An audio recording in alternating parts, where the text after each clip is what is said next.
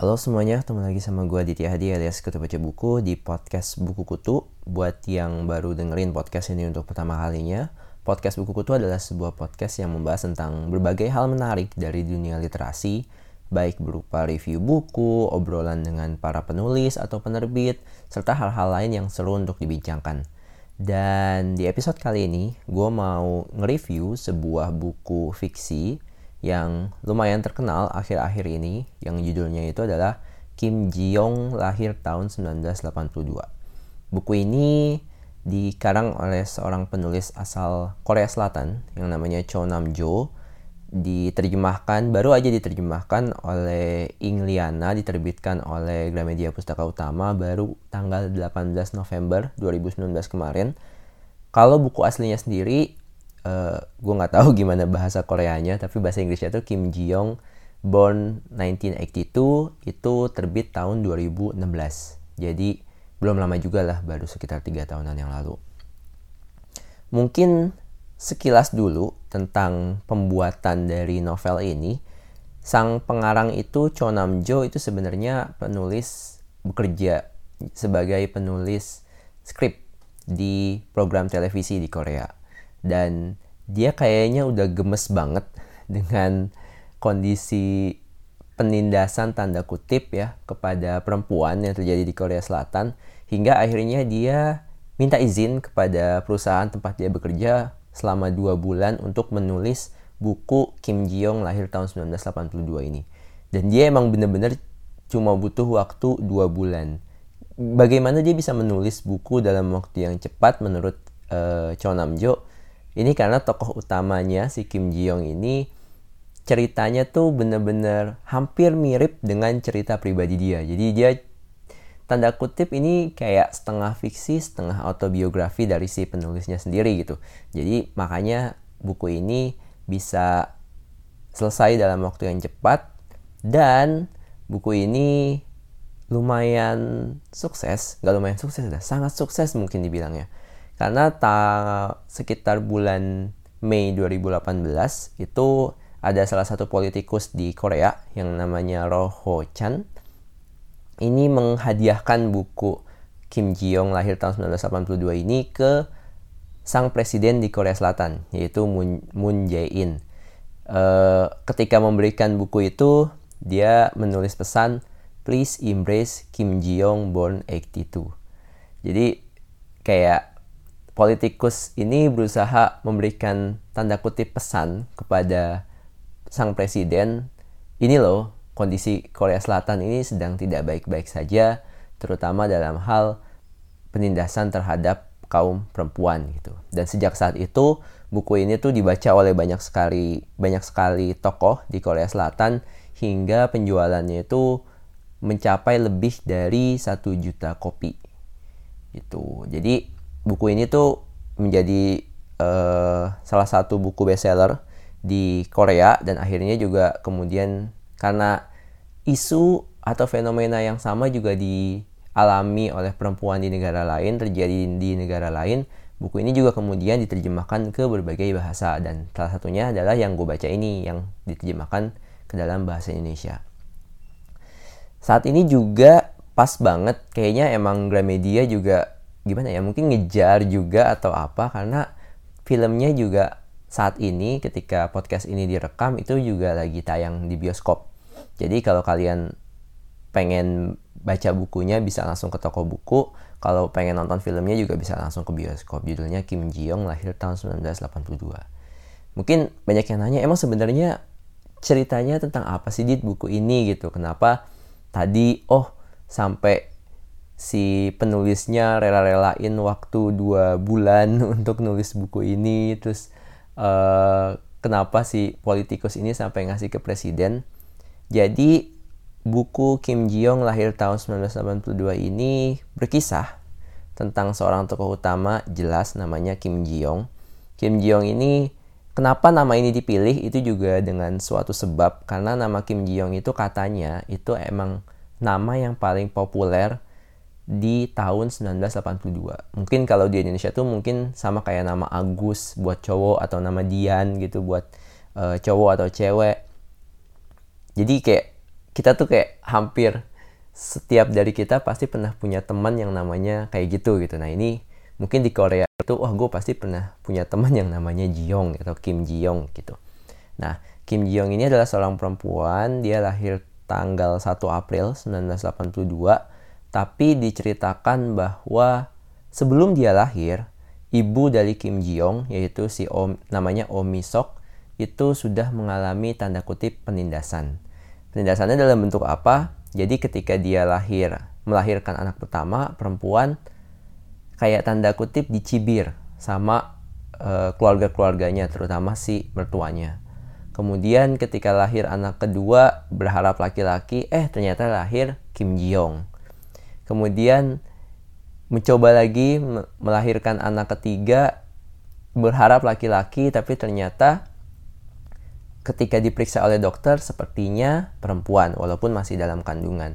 Tapi karena kayaknya itu akan memicu kekecewaan dari sang mertua dan keluarga besarnya dia, akhirnya Omiso memutuskan untuk menggugurkan kandungannya. Baru di kemudian di eh, anak keempat dia hamil lagi, baru kemudian dapat anak laki-laki yang namanya Kim Jisok.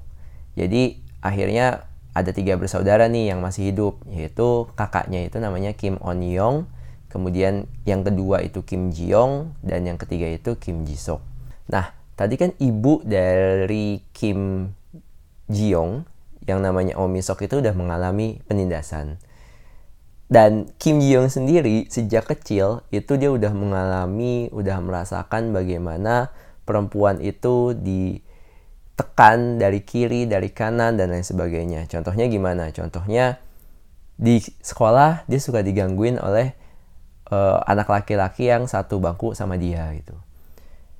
Diisengin, diapain, dijailin. Dia benci sama anak laki-laki itu. Tapi ketika dipanggil oleh gurunya, gurunya malah bilang, itu anak laki-laki itu dia sebenarnya suka sama kamu. Di otaknya si Kim Ji Young tuh bingung gitu. Ini kenapa ada orang suka sama gue tapi malah jahilin gue dia tuh nggak ngerti dan kemudian dia sempat kayak naik angkutan umum naik bis abis pulang les atau apa kemudian dia deketin sama satu orang anak laki-laki yang dia nggak kenal siapa tapi pura-pura sok kenal dia berusaha menghindar tapi anak laki-laki ini terus terusan ngejar sampai akhirnya dia turun di halte uh, satu halte yang entah di mana sebelumnya dia sempat kayak kode-kode sama salah satu ibu-ibu yang ada di bis buat minjem HP buat nelpon uh, buat ngirim SMS ke bapaknya buat jemput. Ketika dia turun dari bis eh anak laki-laki itu ikut turun sementara bapaknya belum nyampe di sana tuh kayak wow kebayang gitu. Dan saat itu untungnya untungnya saat itu ada satu ibu-ibu yang bis itu udah jalan tapi kemudian berhenti lagi si ibu itu ikut turun gitu. Dan akhirnya Kim Ji Young selamat uh, karena anak laki-laki itu jelas nggak mau nyakitin Kim Ji Young kalau ada orang lain ada saksi dan lain sebagainya. Hingga akhirnya bapaknya datang. Jadi dari kecil aja Kim Ji Young itu udah kayak ngerasain gimana cewek atau perempuan itu ditindas oleh kaum laki-laki di Korea. Uh, kemudian dia juga kayak melihat oh kok kayaknya ketua kelas kayak seluruh pimpinan baik dari pemerintahan maupun kan, perkantoran, industri hingga ketua kelas sendiri itu mayoritas laki-laki. Hampir nggak ada perempuan di situ. Kemudian macem-macem lah dia banyak antipati sama laki-laki hingga akhirnya di kehidupan asmara pun dia udah pacaran sama seorang cowok. Itu jadi menimbulkan dia jadi nggak percaya gitu kalau cowok ini emang bener-bener cowok yang baik gitu. Nah itu semua terus berlanjut. Jadi buku ini tuh bener-bener mengalir sampai akhir hingga di kehidupan pekerjaan gimana hingga satu saat akhirnya si Kim Jong ini menikah dengan seorang cowok yang namanya Jong Dae Hyun. Ini juga penuh tantangan juga kemudian dia melahirkan seorang anak juga namanya Jong Ji Won. Waktu hamil itu dia masih kerja dan akhirnya dia memutuskan dia sempat masuk uh, abis melahirkan dia sempat kayak masuk kerja tapi akhirnya karena tekanan satu sama lain dia memutuskan untuk ya udahlah gue berhenti kerja aja gue uh, jadi ibu rumah tangga dan lain sebagainya. Bahkan abis Kim Ji Young pergi dari uh, kantor meninggalkan kantor resign. Di kantor juga terjadi penindasan yang walaupun nggak menimpa dia tapi menimpa teman-temannya dalam bentuk uh, kamera tersembunyi di uh, kamar mandi di toilet gitu. Jadi di ada uh, apa namanya kayak bahkan security dari gedung itu sendiri yang masang sebenarnya. Jadi security itu emang anak-anak muda dia masang kamera di toilet. Jadi kalau perempuan itu pada ganti baju atau pada buang air besar buang air kecil itu kelihatan uh, badannya. Dan itu kayak disebarkan ke situs porno dan lain sebagainya. Dan anehnya cowok-cowok yang kerja di tempat yang sama itu sebenarnya ngelihat video itu di situs porno tapi nggak ngelaporin. Karena mereka takut ketahuan kalau mengakses situs porno dan lain sebagainya hingga akhirnya ketahuannya karena ada satu orang karyawan di situ yang cewek yang pacarnya kebetulan kayak keceplosan gitu. Nah, dari rentetan cerita-cerita tadi, inti dari buku ini adalah sang penulis itu pengen nunjukin bagaimana penindasan terhadap perempuan dari kacamata Kim Ji Young dan keluarganya, baik ibunya maupun teman-temannya dan lain sebagainya itu benar-benar penindasan terhadap perempuan di Korea Selatan tuh benar-benar kayak terstruktur, masif, apa sih kemarin tuh yang lagi rame. Pokoknya intinya ini adalah sesuatu yang besar dan emang sangat sulit untuk melakukan perubahan terhadapnya gitu. Jadi buku ini tuh kayak seperti mengajak orang-orang untuk yuk baca dan mengerti bahwa ini sebenarnya emang masalah kita bersama dan mari kita melakukan perubahan sebenarnya itu sih jadi mungkin buku ini emang menarik karena dikemas dalam bentuk fiksi tapi di balik semua itu sang penulis kayak mempunyai satu pesan bahwa yuk kita sadari bahwa penindasan terhadap perempuan itu pengkangan terhadap hak-hak mereka itu semua adalah sesuatu yang nyata dan yuk kita bareng-bareng mengubah ini semua gitu. Dan untungnya emang buku ini nggak berakhir di Korea Selatan doang karena hal yang sama juga terjadi di Indonesia bahkan menurut gue di Amerika Serikat di negara-negara lain dan akhirnya buku ini juga jadi uh, apa ya jadi kayak pengingat lah buat kita semua sebagai society untuk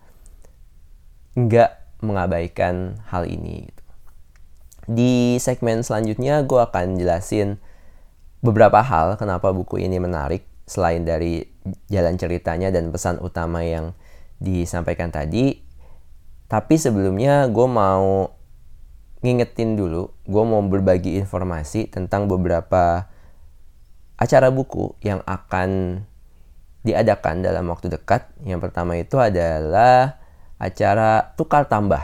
Nama acaranya unik ya, Tukar Tambah ini diadakan oleh podcast Main Mata. Shout out buat podcast Main Mata.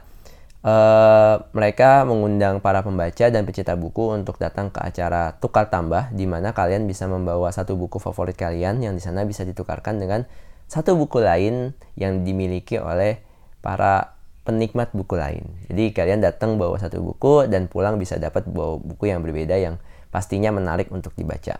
Acara ini akan diadakan pada tanggal 14 Desember 2019 jam 2 siang sampai 8 malam tempatnya di Dekor Rumah Experience Center lantai 2 Gandaria Jakarta Selatan.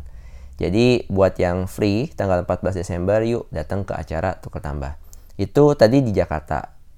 Selain itu di Surabaya juga akan diadakan uh, festival buku yang namanya Festival Macakuta. Ini diadakan tanggal 7 sampai 8 Desember 2019 ada diskusi buku, ada jual buku karya penulis-penulis di situ macam-macam intinya kegiatan tentang dunia literasi ini diadakan di Balai Pertemuan RW 4 Jalan Dharma Wangsa 124 Surabaya patokannya itu adalah di depan kafe Cak Cuk tuh jadi buat yang lenggang ada keluangan waktu atau pengen banget datang acara buku bisa tadi kalau di Jakarta ada acara tukar tambah tanggal 14 Desember.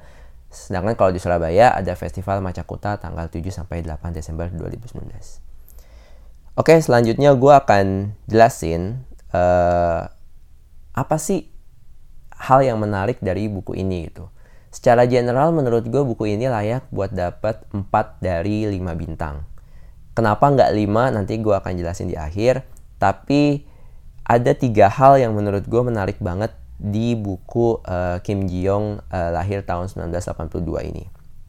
Yang pertama, emang topiknya sendiri menarik gitu.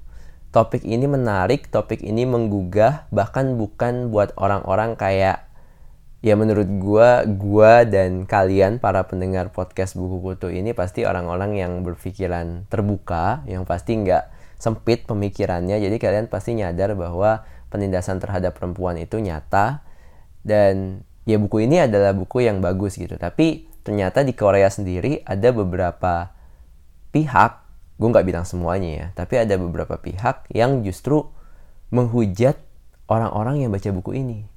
Menghujat kan buku ini udah difilmin ya pemerannya sendiri dihujat gitu.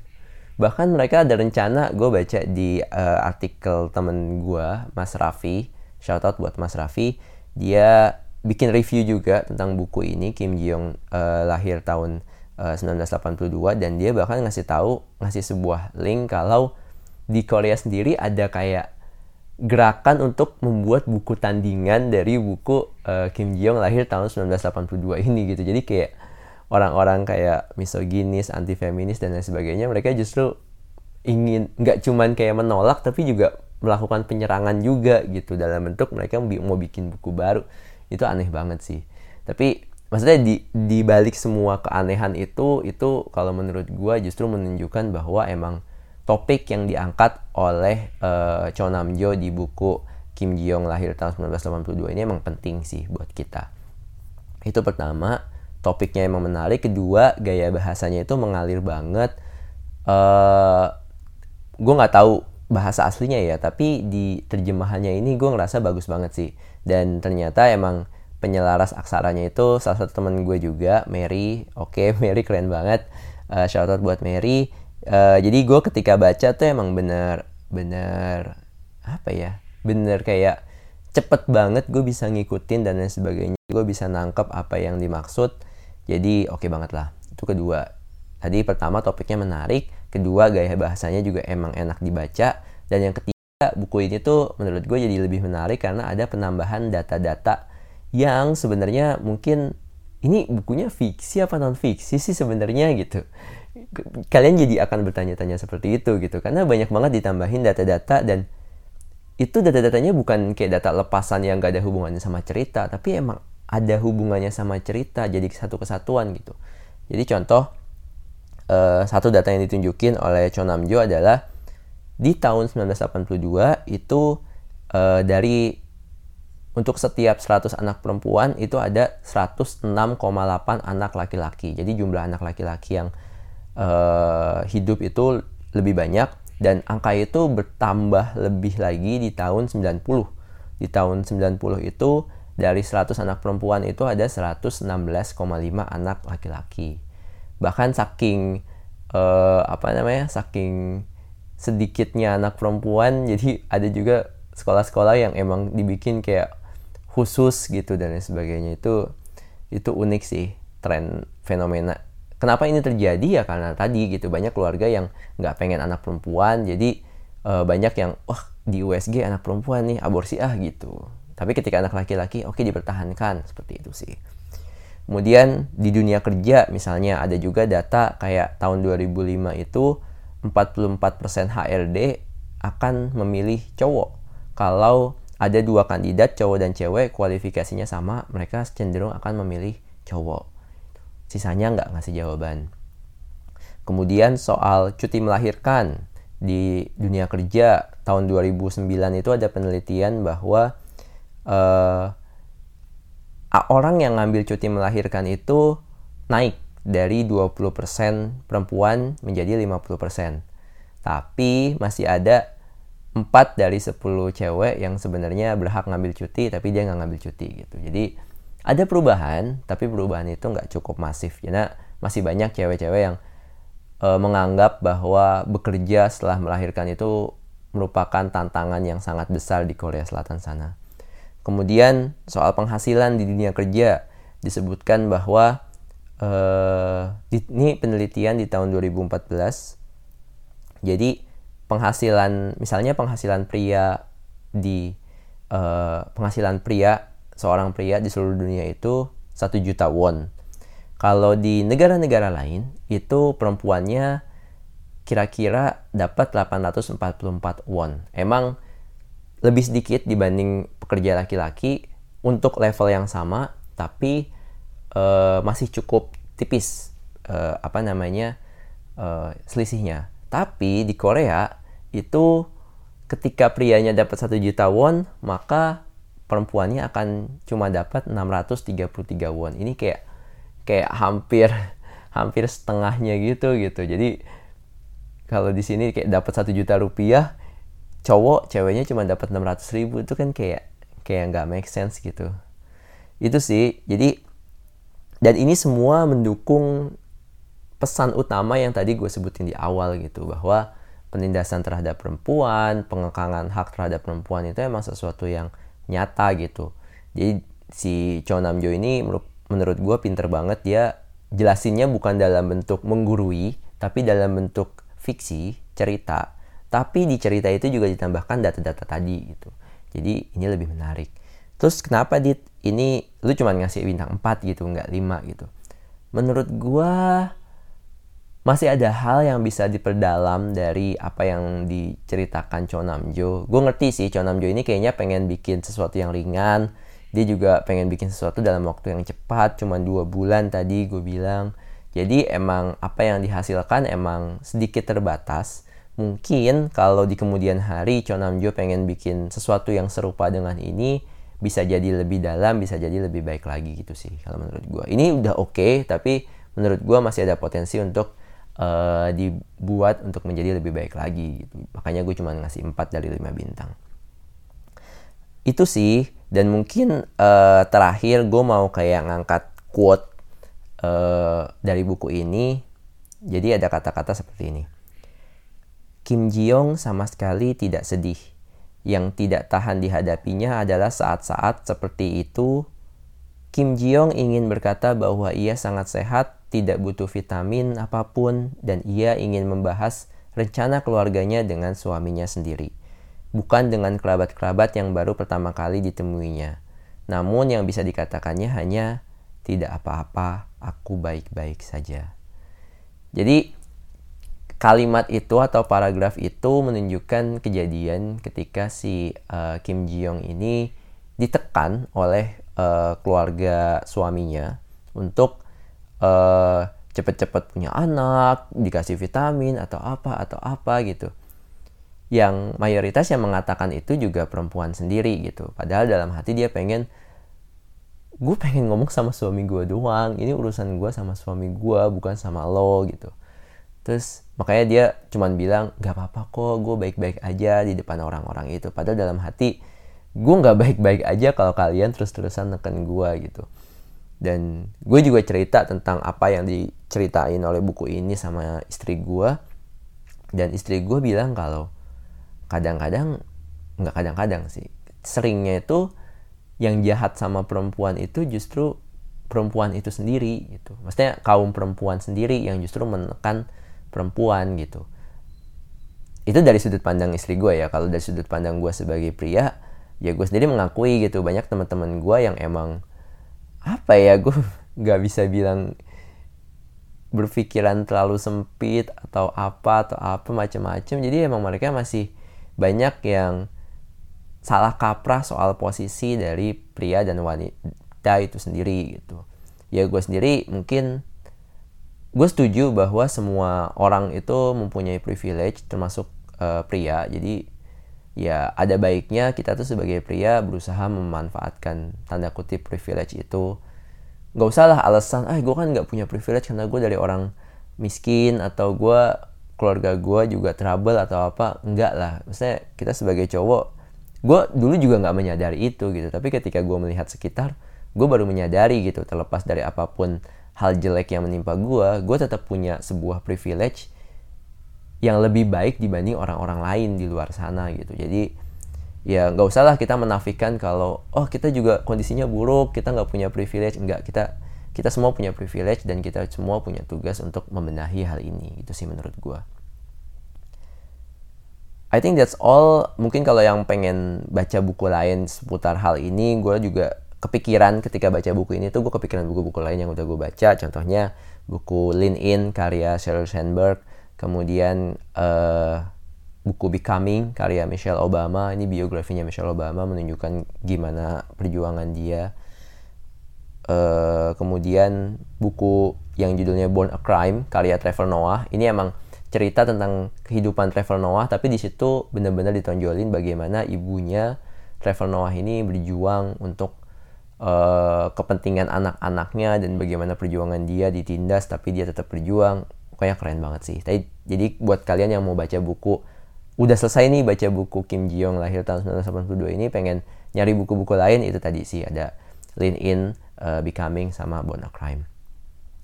I think that's all buat kalian yang mau ngasih saran buku apa yang mau mesti gue review selanjutnya atau tokoh siapa yang mesti gue ajak diskusi, diajak ngobrol di podcast ini, langsung aja uh, hubungi gue lewat Instagram at podcast buku kutu, Twitter at podcast buku, atau email ke podcastbukukutu at gmail.com. Uh, podcast ini bisa kalian nikmati di berbagai platform favorit kalian, Spotify, SoundCloud, Anchor, Apple Podcast, Google Podcast, Castbox, dan yang lain-lain kalau kalian suka dengan podcast ini, please uh, share ke teman-teman kalian. Kalau ada tombol follow di follow, kalau ada tombol like di like, kalau mau komen bisa juga komen di situ. Jadi mudah-mudahan dengan begitu makin banyak orang yang dengar podcast ini dan mendapat uh, kebaikan lah. Yeah, I think that's all for now. See you in other episode and ciao.